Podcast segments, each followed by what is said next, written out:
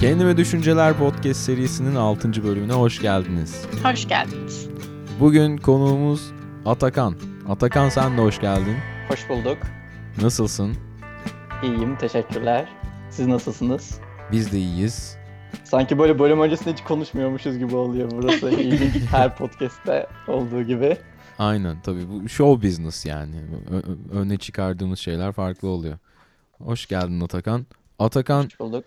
Sen tabii ki her zaman olduğu gibi bir konuğumuz olarak kendinden bahset biraz. Tabii. Senin de Atakan, e, ailem Bursalı, Bursa'da yaşıyorum. E, üniversite sebebiyle aslında İstanbul'a taşındım. Marmara Üniversitesi'nde ekonomi okuyorum. Onun dışında bir teknoloji şirketinde aslında stajla başlayan part-time çalışma durumuna geçtim. Aslında bir teknoloji şirketinde çalışıyorum şu anda. E, onun dışında teknolojiyle içli dışlı olan, biraz teknolojinin mutfağına girmeyi seven ama onun yanında tüketmeyi de seven birisiyim aslında. Öyle gezmeyi, gezginliği de bir yandan seviyorum aslında. Evet tabii şu an karantina döneminde e, Bursa'dayım. İlginç bir dönem. Evet. Teknolojiyle bu teknolojiyi bu kadar tüketen, bu kadar içi dışlı bir insan olduğun için tabii ki teknolojinin kullandığın teknolojilerin de senin için erişilebilir olması. Kör olduğun detayını bu arada unuttuk. Onu söyle. Evet, Aynen. aynen körüm ben de. Tamamen körüm diyebilirim.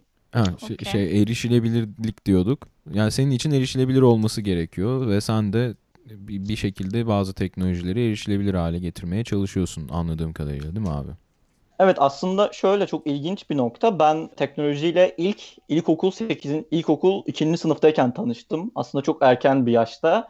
Ee, Bursa'daki o zaman ailemin araştırmasıyla aslında bir görme engelli nasıl bilgisayar kullanabilir, nasıl okula gidebilir gibi aslında temel araştırmalarla başladığında Bursa'daki bir görme engelliyle tanışıyorlar. Sonra bana çok uzun süre mentorluk yapan birisi.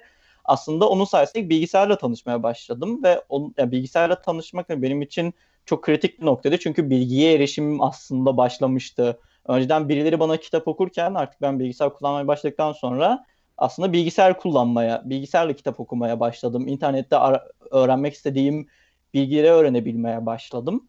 Aslında bu çok uzun bir süre, ortaokulun sonuna kadar böyle devam etti benim için. Ama sonra böyle girdiğim internet sayfalarında ekran, oku- işte ekran okuyucu kullanıyorum. Belki birazdan da bahsederiz biraz bundan Hı hı. kullandığım ekran okuyucuların böyle saçma şeyler okumaya başladığını fark ettim. Benim istediğim bilgileri okuyamadığını fark ediyordum. Öyle durumlar aslında bu neden oluyor? Bu internet siteleri nasıl yapılıyor deyince de böyle birazcık işin kodlama dediğimiz kısmına da geçiş yaptım. Orayı öğrenmeye başladım. Orayı öğrendikten sonra aslında o hayallerim büyümeye başladı. Hani buradaki süreçte. Lisede de hep bunun üzerine böyle yoğunlaştım. Bir şeyler yapmaya çalıştım kendimce. Ee, öyle şu anda da hala bununla devam ediyorum. Peki biraz aslında temele dönecek olursak bizi dinleyen insanların bir kısmı belki teknolojide erişilebilirliğin ya da bir teknolojinin nasıl erişilebilir olması konusunda bir bilgi sahibi değillerdir. O yüzden kısaca aslında belki de teknolojide erişilebilirlik ne demek birazcık bunun tanımını yapalım isterim. Tabii e, aslında şöyle yani erişilebilirlik dediğimiz kelimenin aslında kökünde ne var? Erişmek var ve hani erişmek kim için? Belli bir grup içinmiş. Şimdi siz bu podcast'ta hep farklı farklı aslında e, kişileri farklılıklara sahip olan, yeti farklılıklarına sahip olan insanları konuk alıyordunuz. Aslında belli bir grubun erişmesi değil, hani herkesin bir şeye erişebilmesini sağlamak erişebilirlik olarak geçiyor temelde. Hatta bunun e, dünyada olan adı da aslında evrensel tasarım diye geçiyor. Bu da ne demek aslında? Ee, herhangi bir farklılığı ayırt etmeksizin aslında herkesin bir şeye ulaşması. Örneğin bir görme engellinin ekranda olan yazılara herkes gibi ulaşabilmesini sağlamak. Bunun için bir görme engelli nasıl aslında erişebiliyor? Ekran okuyucu denilen yazılımlarla erişebiliyor. İşte ekrandaki şeyi seslendiriyor. Neden? Çünkü bir görme engelli oradaki şeyi göremiyor. Ya da bu işitme engelli biri için bir videoyu izlerken ya da telefondaki bir arama sesi arama geldiğinde arama sesini duyamıyor. Aslında o ona erişemiyor ama erişilebilirlik evrensel tasarım gözetildiğinde onun için de bir erişilebilirlik çalışması yapılıyor ve aslında işitme engelli de o teknolojiden faydalanabiliyor. O yüzden hani sadece şu bu demeksizin herkesin erişebildiği teknolojileri aslında erişebilir teknolojiler diyoruz. Hani bunun altında neler var? Aslında belki biraz ondan bahsetmek de güzel Hı hı. olur. Ekran okuyucular aslında bizim e, yakın olduğumuz bir alan. Yani görme engellerin kullandığı. Bu ne demek? aslında ekranda olan her şeyi sese çeviren e, bir sistem. İnsanlar bazen bunu şöyle zannediyor bu arada. Çok ilginç. Ee, ekran okuyucu deyince ha ekrandaki her şeyi söylüyor mu? Aslında seslendiriyor mu? Evet ama şey gibi değil yani benim kontrolümden bağımsız sanki MP3 ile böyle müzik dinlermiş gibi zannediyor bazen insanlar. Öyle değil yani. Aslında ekranda ben de gören biri gibi Twitter'a girebiliyorum, mail atabiliyorum. Sonuçta belli kontrolleri sağlayabiliyorum. Ve o kontrolleri sağlarken ekrandaki değişiklikleri bana seslendiren şey diyebiliriz. Ya da bir işitme engelli için bir ses olduğunda onun yazıya dökülmüş hali gibi düşünebiliriz. E, bu insanlara çok ilginç geliyor aslında mesela internette falan bazen tesadüf eseri hiç tanımadığım insanlarla yazıştığımda ya da ilk kez bir insanla tanışıyorsam yanında telefon veya bilgisayar kullanıyorsam çok değişik bir deneyim oluyor onlar için. Nasıl kullanıyorsun? Dinleyebilir miyim? Sesini açar mısın? Niye bu kadar hızlı konuşuyor? gibi gibi şeyler e, emojileri nasıl okuduğunu merak ediyorlar. Ba- işte bana emoji falan gönderiyorlar. Evet bu çok işte, merak edilen bir konu. Aynen mesela gülen kaka yığını falan diye bir emojimiz var ya bizim işte. Öyle mi gerçekten o, onun merak. şeyi? Yani o gülen kaka evet. gülen kaka yığını olarak mı? Ne kadar naif evet. ve ya tasvir edilmesi de zor bir şey. Şimdi öyle bir şey duyduğunda ne canlandıracaksın gözünde? Gerçekten zor. Ben bir dönem emojiye ve gözümde canlandırmaya çalışıyordum ama artık şu an canlandıramıyorum bazılarını. Şeyde bu arada e, belki aşina olmayan insanlar olur. Sizin ekran okuyucularınız şöyle geliyor kulağa. Ya, ya, tabii kısık sesli bu arada okuyor değil mi genelde? Siz ona böyle herhalde alışıyor sizin yani kulağınız. Sesini kısabiliyorsunuz aslında ki genelde dışarıda Benay'ın söylediği tepkilerden kaçmak için ben en azından genelde kısıyorum. Bir de aslında sadece kaçmak değil insanları da çok rahatsız etmek istemiyorum genelde. Evet ilginç çünkü geliyor kulağa gerçekten. falan gibi böyle çok hızlıca okuyor ve o ben şeyi de düşünmüştüm mesela. Ya çok hızlı okuyor nasıl böyle ayırt edebiliyorlar?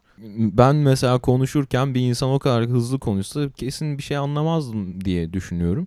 Orada aslında o da benim merak ettiğim bir konu bak.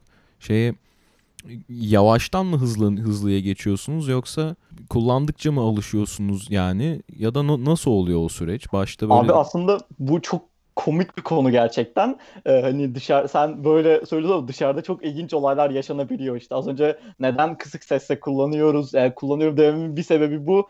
Çünkü dışarıda bazen böyle bir şey kullanırken insanlar telefonumun bozulduğunu zannedip böyle elimden almaya çalışabiliyor bazen.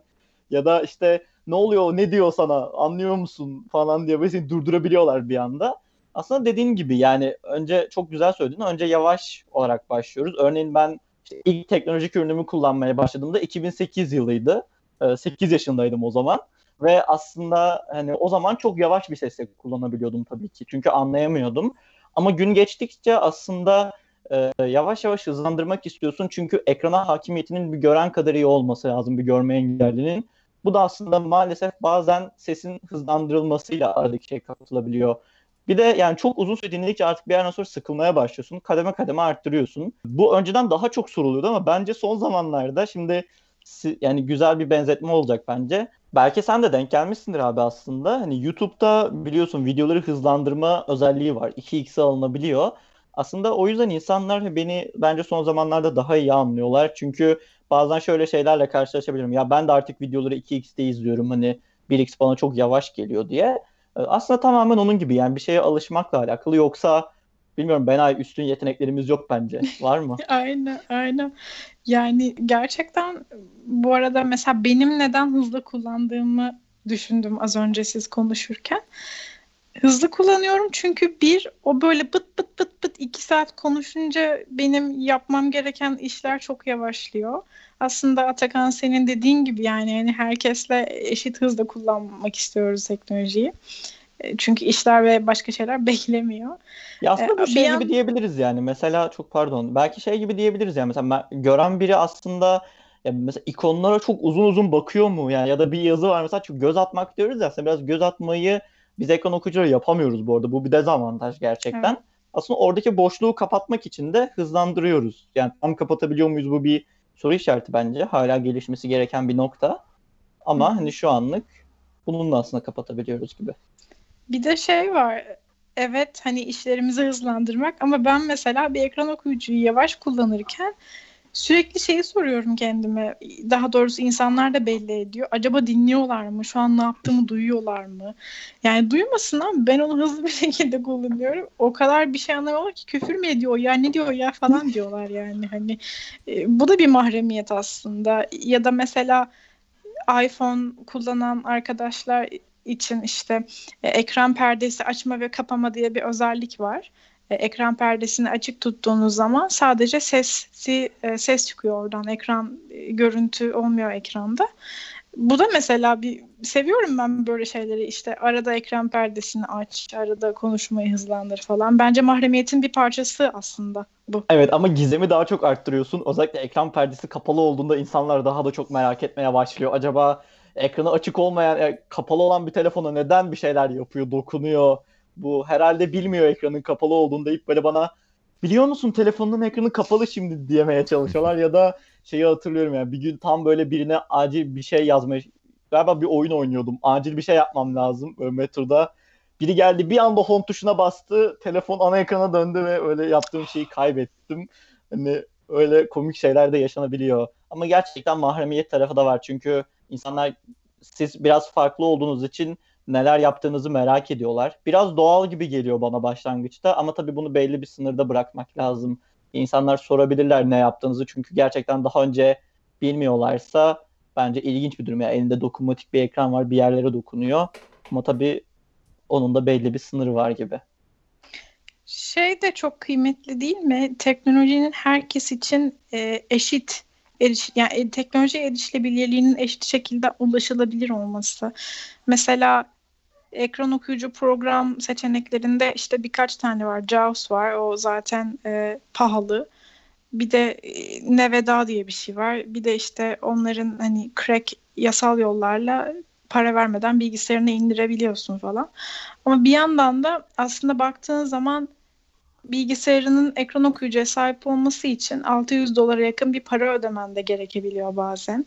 Ya da mesela iPhone şu anda 7000 lira oldu galiba iPhone 10 mu 11 mi öyle bir şey.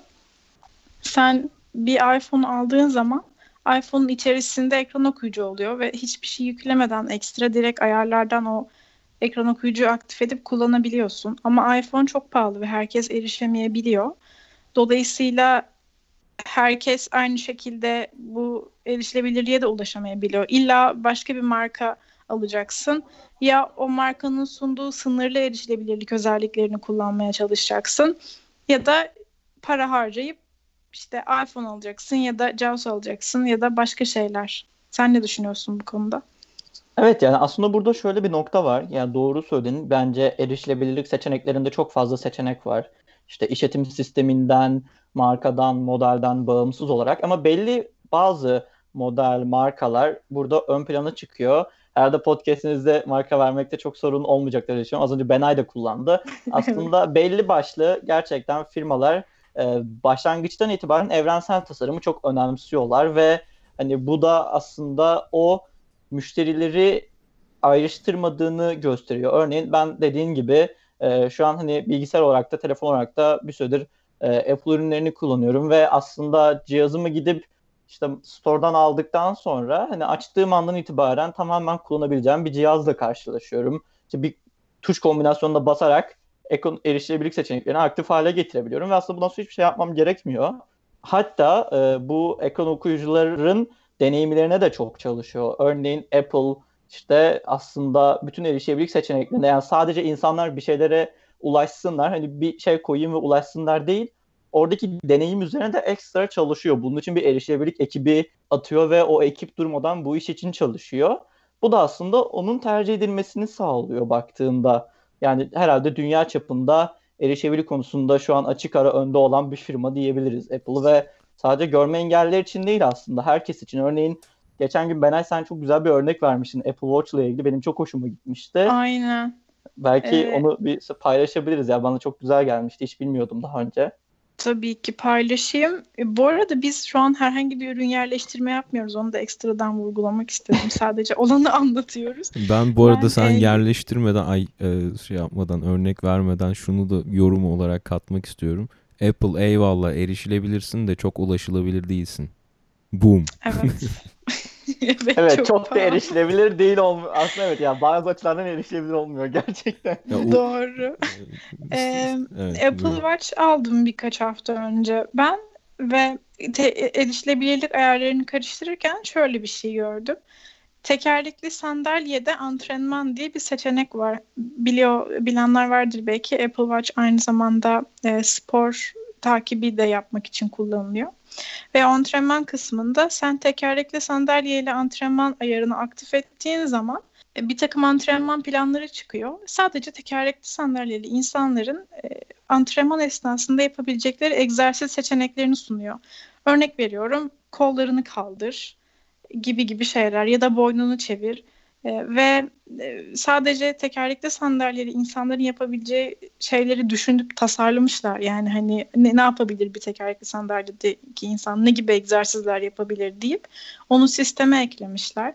Ya da mesela sen sandalyenle gidiyorsun ve saat senin sarsıntından vesaire e, ne tür bir zemin üzerinde sandalyeyi sürdüğünü algılıyor ve sana işte uyarı veriyor. Örnek veriyorum şu anda tırtıklı zemindesin, e, şu an yumuşak zemindesin gibi gibi ve ona göre antrenman planını ya da egzersiz planını işte yönlendiriyor, seni motive ediyor vesaire. Bu bence çok kıymetli bir şey yani. Ben çok şaşırmıştım ve hatta denemek de istedim hani gerçekten. Aslında bu yani sadece e, birinin bir şeyi kullanması yani hani engelliler de bunu kullansın demek değil. Gerçekten onların deneyimini ya teknoloji alanında aslında belki dinleyenlerimiz arasında da bilenler vardır. Yani teknoloji geliştirmenin en önemli adımlarından birisi de kullanıcı deneyimi dediğimiz bir alan. Aslında bu ne demek? Yani bir kullanıcının deneyimini baştan sona gözeterek tasarlamak anlamına geliyor. Burada da aslında bence işte Apple'ın yaptığı ya da diğer firmaların yaptığı şey bu. Sadece bir şeye erişmeni sağlamıyor. Ona erişirken nasıl bir deneyim yaşayacağını da aslında tasarlıyor. Bence burada erişilebilirlik kıymetli bir nokta. Yani erişilebilirlik sadece ekran okuyucuyu yapmak değil, ekran okuyucunun nasıl çalıştığını bir şekilde tasarlamak. Orada örneğin yani bir şeyi nasıl söylediğini mesela üzerine çalışmak, hani bir şeyin nasıl göründüğünü tasarlamakla aynı bence ve hani buna dikkat etmek de oldukça kritik. Çünkü bir şekilde hani engelli bireyin de bir deneyimi var, yaşadığı bir deneyim var ve onu en iyi hale getirmek bir şekilde zorundayız aslında hepimiz. Bu evrensel tasarım dediğin şey bence bayağı ufuk açıcı ve eğlenceli bir, konsept. Bana mesela bir, bir web sitesi tasarlasam gerçekten bunu göz önünde bulundurmak isterdim yani. Eğlenceli bu bir durum aslında çünkü. aynen yani belki galiba bir önceki bölümde konuşmuştunuz. Mekansal erişilebilirliği biraz konuştunuz sanırım. Onu dinlemiştim. Mesela bana orada hani evrensel tasarım aslında sadece teknoloji her şeyde başlıyor ama teknoloji de çok önemli bir nokta dediğin gibi. Çünkü yani aslında sen web sayfanda ufak bir şey bu arada çok büyük hani az önce söyleyince de şeyi fark ettim sonra ya bu deneyim dedik işte tasarlamak dedik hani acaba çok mu ayrı şeyler yapmak gerekiyor? Aslında hayır yani çok ayrı şeyler yapmak gerekmiyor. Sadece hani onu tasarlarken farklı bir grubun da deneyim yaşayacağını düşünerek düşünmek, yani onu gözetmek gerekiyor. O yüzden dediğim gibi evet eğlenceli bir konuda bence gerçekten. Hani sonuçta ben bir web sayfası yapıyorum, bir ürün yapıyorum. Bundan herkesin yararlanmasını istiyorum. Bu evrensel olsun ve bundan herkes yararlansın. Bana da hani çok e, bir yandan eğlenceli, bir yandan da mutluluk verici bir şey gibi geliyor. Yani düşünsenize bir web sayfası yapıyorsun ve aslında bunu hiç bilmediğin bir görme engelli kullanıyor. Belki bu arada bence öyle bir yanı da var yani hani onu e, es geçmemek lazım. Bence teknoloji evet hepimizin hayatını çok değiştiriyor, çok kolaylaştırıyor ama engelli bir bireyin hayatını, farklılığı olan birinin hayatını bence 2x daha fazla kolaylaştırıyor. O yüzden hani etkiyi öyle düşününce bence gerçekten ilgi çekici bir konu gibi geliyor.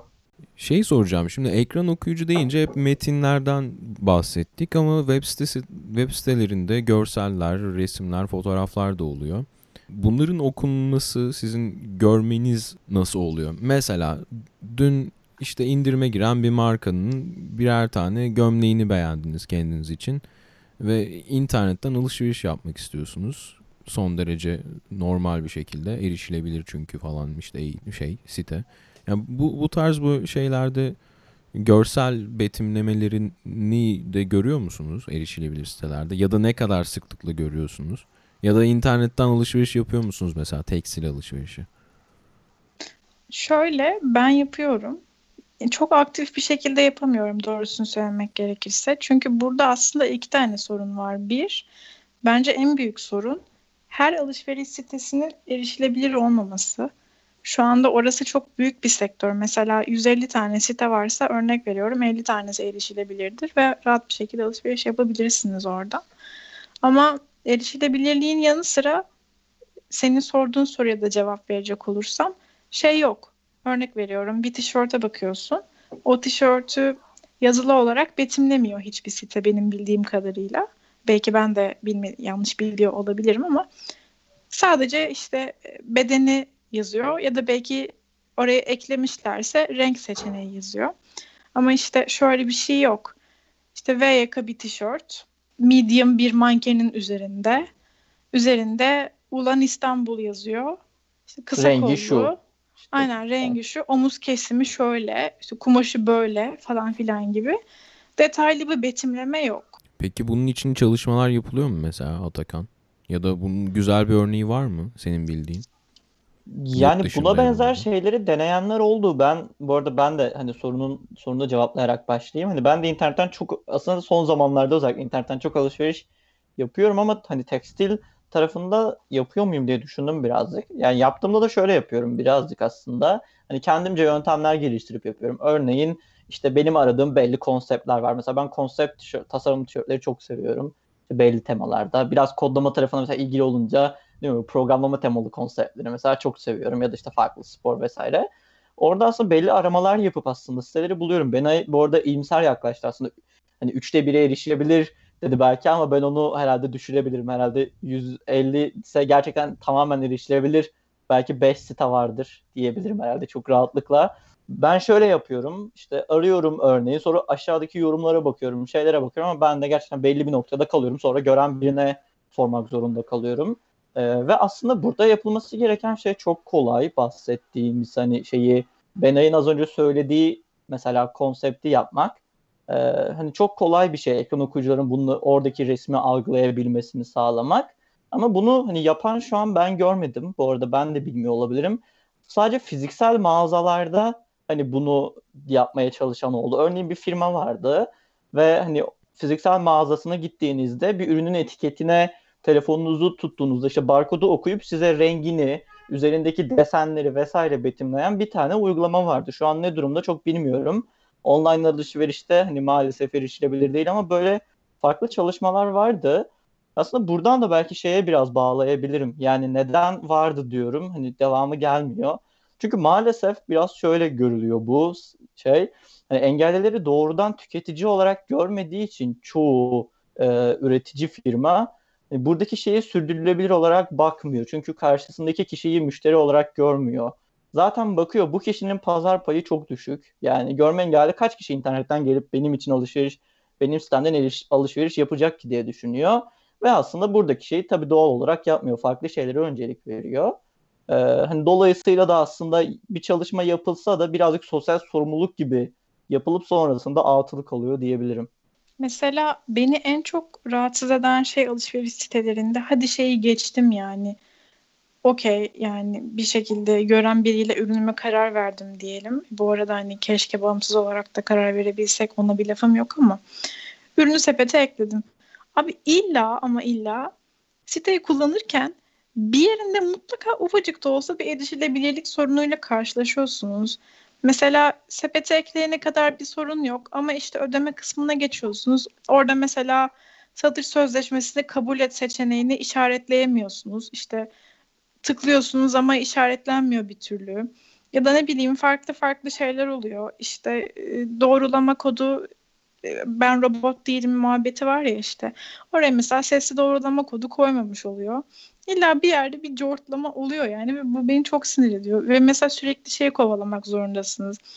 Şey konuşuyorsunuz mesela işte X web sitesini e, mobilden kullanamadım ben erişilebilir değil mi diye soruyorsunuz. Biri diyor ki ben masa üstünden kullanıyorum. Masaüstü erişilebilir. Masaüstü erişilebilirse yani neden mobil uygulaması erişilebilir değil? İkisinin de erişilebilir olması gerek. Ben sürekli kovalamak zorunda mıyım yani? İşte bir tane siteyi bilgisayardan, bir tane siteyi telefondan, bir tane siteyi hiçbir yerden. Ya bu da bence biraz şeyden kaynaklanıyor. Yani bu ürünleri geliştiren ekipler, geliştirici ekipler birazcık şey kendi alanı ayak olan insanlara da şey taş atmış gibi olacağım ama hani bu süre ya bir şeyi geliştirirken aslında çok hızlı ürün çıkarmaya çalışıyorlar veya bu konuyu hiç bilmiyorlar. İçeride bilen biri de olmuyor. Ve dolayısıyla aslında bu ürünü farklı farklı bir yeti farklı olan insanın kullanabileceğini hiç gözetmiyorlar. Dolayısıyla zaten erişilebilirlik ne demek? Birçok ekip bunu hiç bilmiyor. Ee, hani bu bir noktaya kadar kabul edilebilir ama bence çok kabul edilebilecek bir nokta değil. Çünkü evrensel tasarım dünyaca kabul edilmiş bir standart artık. Hani herkesin bir şeyleri kullanabilmesi ve aslında bunların belki de daha bölüm yani üniversite bazında insanların bunları öğrenebiliyor, öğreniyor olması gerekiyor. Yani şu an öğrenilmiyor. Umarım ileride gerçekten bu müfredata yerleşir. Özellikle işte teknolojiyi konuştuğumuz için hani teknoloji geliştiren bölümlerde. Ama hani şu anlık böyle bir şey yok. Burada bazen şöyle noktalarla da karşılaşabiliyoruz. Ya bu çok doğal belki ama hani bu insanlara geri bildirimde bulunduğunuzda sizi dinlemeyebiliyorlar gerçekten. Ya da bunu nasıl yapacağımızı biz bilmiyoruz deyip kapatabiliyorlar ama yani şu an aslında hepimiz bir şeyler araştırdığımızda öğrenebiliyoruz. Yani herhalde Google'a girsek iki şimdi evrensel tasarım nasıl yapılır desek bir sürü içerik buluruz. Gerçekten öğrenebiliriz. O yüzden bence burada birazcık da açık görüşlü olmak lazım ve biraz da araştırmak lazım. Yani ben bunu yapamıyorum değil, nasıl yapabiliyorum demek lazım. Çünkü gerçekten kolay. Belki birazdan biraz değiniriz bilmiyorum. E, değinecek miyiz ama hani bu nasıl oluyor, nasıl yapılıyor kısmına da gerçekten çok kolay şeyler aslında bunlar. Soralım Tam abi, de- değinelim. Soracak. Ben de onu soracaktım. Net hesabı. Sen sor. Mesela bilmiyorum güzel bir örnek olacak mı ama Facebook'ta belli başlı anahtar kelimelerle yüklenen fotoğrafların betimlemeler yaptığını duymuştum mesela. Doğru mu? Aynen doğru aslında. Bu bir süredir gelen bir e, özellik. Herhalde iki senedir falan. Bu da aslında biraz yapay zekayla e, ortaya çıktı. Yani bu söylediğim az önce söylemiştim hatırlıyorsan yani engellilerin hayatını 2x kolaylaştırıyor teknolojinin gelişmesi diye. Hı hı. Herhalde bundan bir 10 yıl önce yapay zeka ve herkesin konuştuğu bir şey değil ama son zamanlarda herkes çok konuşuyor şimdi çok gündemde.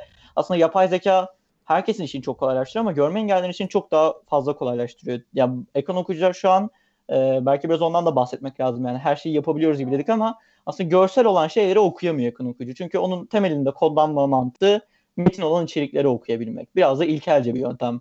Ama bir süredir aslında yapay zeka dediğimiz şey kendi kendine bir şey, sen ona önüne milyonlarca veri verdiğinde öğrenebilen bir yapı olduğu için şu an örneğin siz milyonlarca nesneyi bir şekilde tanıtabil, tanıttığınızda o tekrar aynı nesneyi gördüğünde size bunu betimleyebiliyor. Facebook da aslında bunu yaptı. Ee, galiba Facebook birkaç şey daha bunu yaptı. Microsoft'un böyle bazı çözümleri var. Aslında bir resmi gördüğünde onu betimleyebiliyor. Hani şu an emekleme aşamasında diyebiliriz bu ama aslında hani teknolojinin ileride nereye gidebileceğinin de çok güzel bir göstergesi. Belki bundan yıllar sonra Benay'ın o söylediği bir fotoğrafta şu renkte bir kazak, desenleri böyle gibi belki betimleyebilir gerçekten. Hani bu aslında şu an emekleyen bir gelişim ama beni çok heyecanlandıran ileride de herhalde çok daha gelişecek bir teknoloji. Hep konuştuk erişilebilir web sitesi, erişilebilir tasarım, evrensel tasarım diye. Ama belki bunun birazcık detayına da girmek lazım. Detaydan ziyade şunu sormak istiyorum.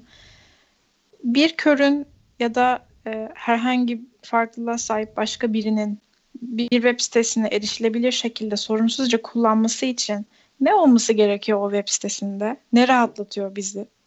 Hı hı. Ya aslında bunun böyle net hani işte şu şu şu şunları şey gibi olur ya işte yemeğe kaç kaşık tuz koyarsak yemeğin kıvamı olur. Aslında tam böyle bir tarifi yok. Ama hani o tarife ulaştıracak yollar var. Ee, bu da aslında yani her ortam için değişiyor. Örneğin bir web sayfası için biraz farklı, bir mobil uygulama için biraz farklı ama hepsinin temelinde aslında bu ekran okuyucuların e, hani algılayabildiği bazı şeyler var. Az önce söylemiştik mesela metinleri algılayabiliyor dedik. Ama siz oraya bir metin değil bir ikon koyarsınız. Mesela örneğin bir butonu ele alalım. Şimdi Twitter'da mesela giriş yap diye buton ya da tweetle diye bir buton var. Biz oraya tweetle butonunun üzerine ikonu yerleştirirken işte orada bir ikon kullanıyor muhtemelen Twitter.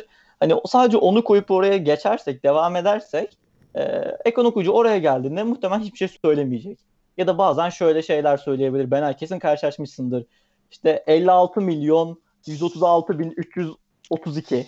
Mesela Mert bu sana ne diyor çağrıştırıyor hiç emin değilim ama bize hiçbir şey çağrıştırmıyor. Ve bu her aslında üzerine geldiğinizde de değişen bir şey.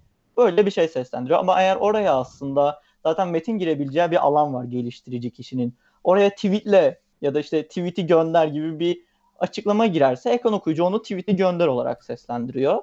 Aslında bunun gibi ekran okuyucuların farklı tepkiler verebileceği bazı e, yöntemler var. Bunlar da aslında her geliştirme işte aslında bunun yani programların hepsinin geliştirildiği bir bazı diller var. Kodlama dilleri. Hepsinin aslında kendi dokümantasyonunda hani erişilebilirlik için neler gerektiği çok açık bir şekilde yazıyor. Dolayısıyla aslında hani geliştiren kişiye şunu söylemek yeterli. Yani sen benim örneğin ben bir web sayfası yaptırmak istiyorum. Birine gittim bir web sayfası yapan kişiye. Şunu demek yeterli. Ya benim web sayfamı herkesin kullanabileceği şekilde evrensel tasarımı uygun, erişilebilir bir şekilde yap. Aslında bu kişinin yapacağı şey de çok basit. Gidip e, o uygulamayı yapacağı, kodlayacağı dilin dokümantasyonuna bakmak ve oradaki şeyleri uygulamak. Tabii sonrasında da test etmek. Çünkü bu az önce de konuştuğumuz gibi bir deneyim işi ve gerçekten onu kullanan insanlarla test etmek lazım. Örneğin nasıl biri bir ürün geliştirdiğinde onu odak gruplarla test ediyor. Aslında o odak grubun içerisinde farklı farklılıklara sahip insanların da bulunması gerekiyor. Dolayısıyla en son adımda da onu test etmek, gelen geri bildirimleri toplamak aslında en temeldeki şey diyebiliriz. Dijitalde aslında... bir güzel bir proje yönetimi yapmak gerekiyor aslında yani bu iş içinde diyorsun. Benim ben yani yani evet şey. özellikle yani şimdi yurt dışı Türkiye kıyaslaması yapmak istemiyorum bu konuda ama hani dünyada bu nasıl oluyor kısmından belki biraz bahsetmek güzel olur.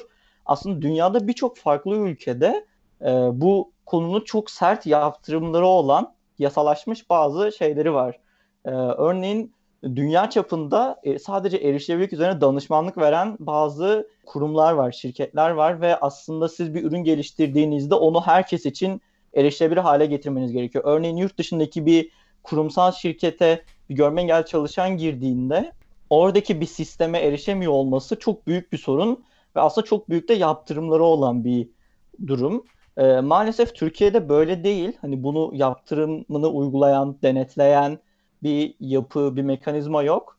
Dolayısıyla da aslında bu bahsettiğin iyi proje yönetmeden çok aslında hızlı proje yönetelim. Yani aslında sonuçta bu sistemleri kullanan kişiler genelde azınlıkta olduğu için genelde bunlar hızlı geçilen ve çok önemsenmeyen konular oluyor. Ama Türkiye'de de aslında son zamanlarda az çok bir takım teşvikler oluyor değil mi? Mesela ben şeyi biliyorum. Her sene miydi? Sanırım erişilebilir web sitesi, erişilebilir web siteleriyle ilgili bir ödül var. Altın Örümcek'ti galiba yanlış hatırlamıyorsam. Evet doğru. Altın Örümcek web ödülleri. Nedir o tam olarak?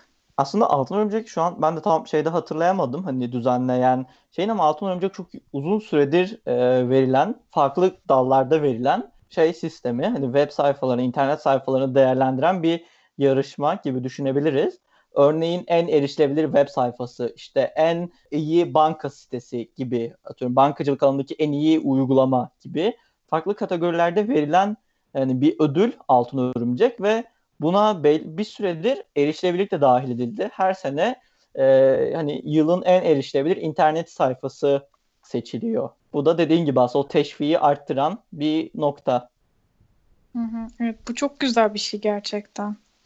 Evet ve aslında dünyada da bunun bazı örnekleri var. Örneğin Global Erişilebilirlik Günü diye bir gün var. Bilmiyorum daha önce hiç duymuş muydunuz? Ben bu arada bu sene bunu duydum. Sanırım 30 Mayıs'tı şu an yanlış hatırlamıyorsam her yıl 30 Mayıs aslında hani global erişilebilirlik farkındalık günü olarak ilan edilmiş ve hani bu alanda o farkındalığı arttırmak için belli çalışmalar gerçekleştiriliyor. Hani belki Türkiye'de bunu gerçekten daha bilinir kılmak hepimizin görevi. Sadece benim, Benay'ın, belli bir grubun değil aslında hepimizin gerçekten görevi. Az önce verdiğim örnekteki gibi ya bir uygulama yaptıracaksa hani onu yapan kişiye bunu bu bölümü belki hatırlayıp e, benim uygulamama herkes için erişilebilir yapın. İşte görme engeller de kullansın, işitme engeller de kullanabilsin dediğimizde aslında buradaki şeyi sağlayacağız gibi geliyor. Atakan şimdi sen teknolojiye bu kadar meraklı ve teknolojiyle içli dışlı ve e, evrensel tasarıma da bu kadar kafayı takmış bir insansın. Başta kendini tanıtırken de aslında yaptığın işten pek bahsetmedin. Teknolojinin gittikçe engellerin hayatını kolaylaştırdığını ve kolaylaştırmaya da devam edeceğini ve gelecekte belki de çok da süper bir hale geleceğini erişilebilirlik anlamında düşünüyorsun. Sen ne yapıyorsun? Ondan da bir kısaca bahsetmeni isteriz. Sen bahsettikten sonra da yavaştan kapatırız bölümü. Ne dersin? Tabii olur. Ee, aynen girişte ben, de bu arada ilk defa bir podcast'te konuk oluyorum. O yüzden çok da heyecanlıyım gerçekten. Önceden böyle bölümleri dinleyip dinleyip podcast'lere geri bildirimler verirdim. Şimdi konuk tarafında nasıl olduğunu görmek benim için de ilginç oldu. Başta ben de söylemediğimi unutmuşum. Aslında bir teknoloji şirketinde çalıştığımdan bahsettim. Ee, WeWalk belki dinleyenler arasında duyanlar olabilir. WeWalk biz yürüyoruz demek, birlikte yürüyoruz demek. Peki ne yapıyor aslında? Ya WeWalk görme engellilerin sosyal hayata tam ve eşit katılmasını sağlamak için çeşitli teknolojiler geliştiriyor. Ne demek aslında? Şu an geliştirdiğimiz bir ürün akıllı baston. Ee, zaten bölümü dinleyenler de e, belki bir yerlerden duymuş olabilirler. Görme engelliler düz beyaz bir sopa, bir baston kullanıyorlar aslında. Yüzyıllardır da aynı sopayı kullanıyorlar önlerindeki engelleri algılamak için. Ee, teknoloji gelişiyor dedik ama bastonla hiç entegre olmamış aslında. WeWalk'ta e, görme engellilerin aslında kullandığı bastonu teknolojiye bir araya getiriyor. Görme engelliler normalde bastonla yerdeki engelleri algılayabiliyorlar. Ama baş ve göğüs hizasındaki örneğin kamyon kasası, işte tabela, direk gibi engelleri algılayamayabiliyorlar. Bunları algılamak için bir engel algılama özelliği olan, akıllı telefonuna bağlanabilen ve telefonunu baston üzerinden kontrol etmesini sağlayan çeşitli akıllı akıllı özelliklerinin olduğu aslında bir akıllı baston. Dolayısıyla bir görme engelli dışarı çıktığında hem navigasyonunu telefonu üzerinden alabiliyor, e, hem durakta beklerken otobüsünü öğrenebiliyor. Şu otobüs durağa geldi gibi. Hem de aslında önüne çıkan engelleri tespit edebiliyor. E, yaklaşık 3 yıldır hani WeWalk üzerine çalışıyoruz biz de. E, yaklaşık 1 yıldır da hani ürün artık görme engellerin kullanabildiği bir hale geldi ve şu an hani bunu herhalde gururla söyleyebiliriz. Hepimizin bir gururu çünkü aslında Türkiye'de gelişen bir teknoloji ve 37 ülkede de kullanılıyor. Ee, hani aslında belki buradan aklıma şöyle bir şey geldi son kapanışı yaparken. Az önce de bahsetmiştik birazcık hani o test sürecine görme engelleri de dahil etmek diye. Aslında hani bir şeyi gerçekten birinin kullanabileceği şekilde yapmak istiyorsan hani o grubu işin içine dahil etmenin önemi çok büyük. Herhalde WeWalk'ta neden hani şu an başarılı bir ürün oldu, insanların kullanabildiği bir ürün olduğu dersek oradan da bağlamak güzel olur gibi geldi. WeWalk'un geliştirici ekibinin yarısı görme engelli. Çünkü bu ürün görme engelli için geliştirildi. Test grubunda az gören, görmeyen bir sürü farklı insan var. Ve aslında hani dolayısıyla ürünü bu kişiler yönlendiriyor. O yüzden herhalde bir ürünün erişilebilir olması, herkesin kullanabileceği hale gelmesinin de sihirli noktası bence kullanacak grubun o işin içinde bulunması ve aslında insanları yönlendirmesi.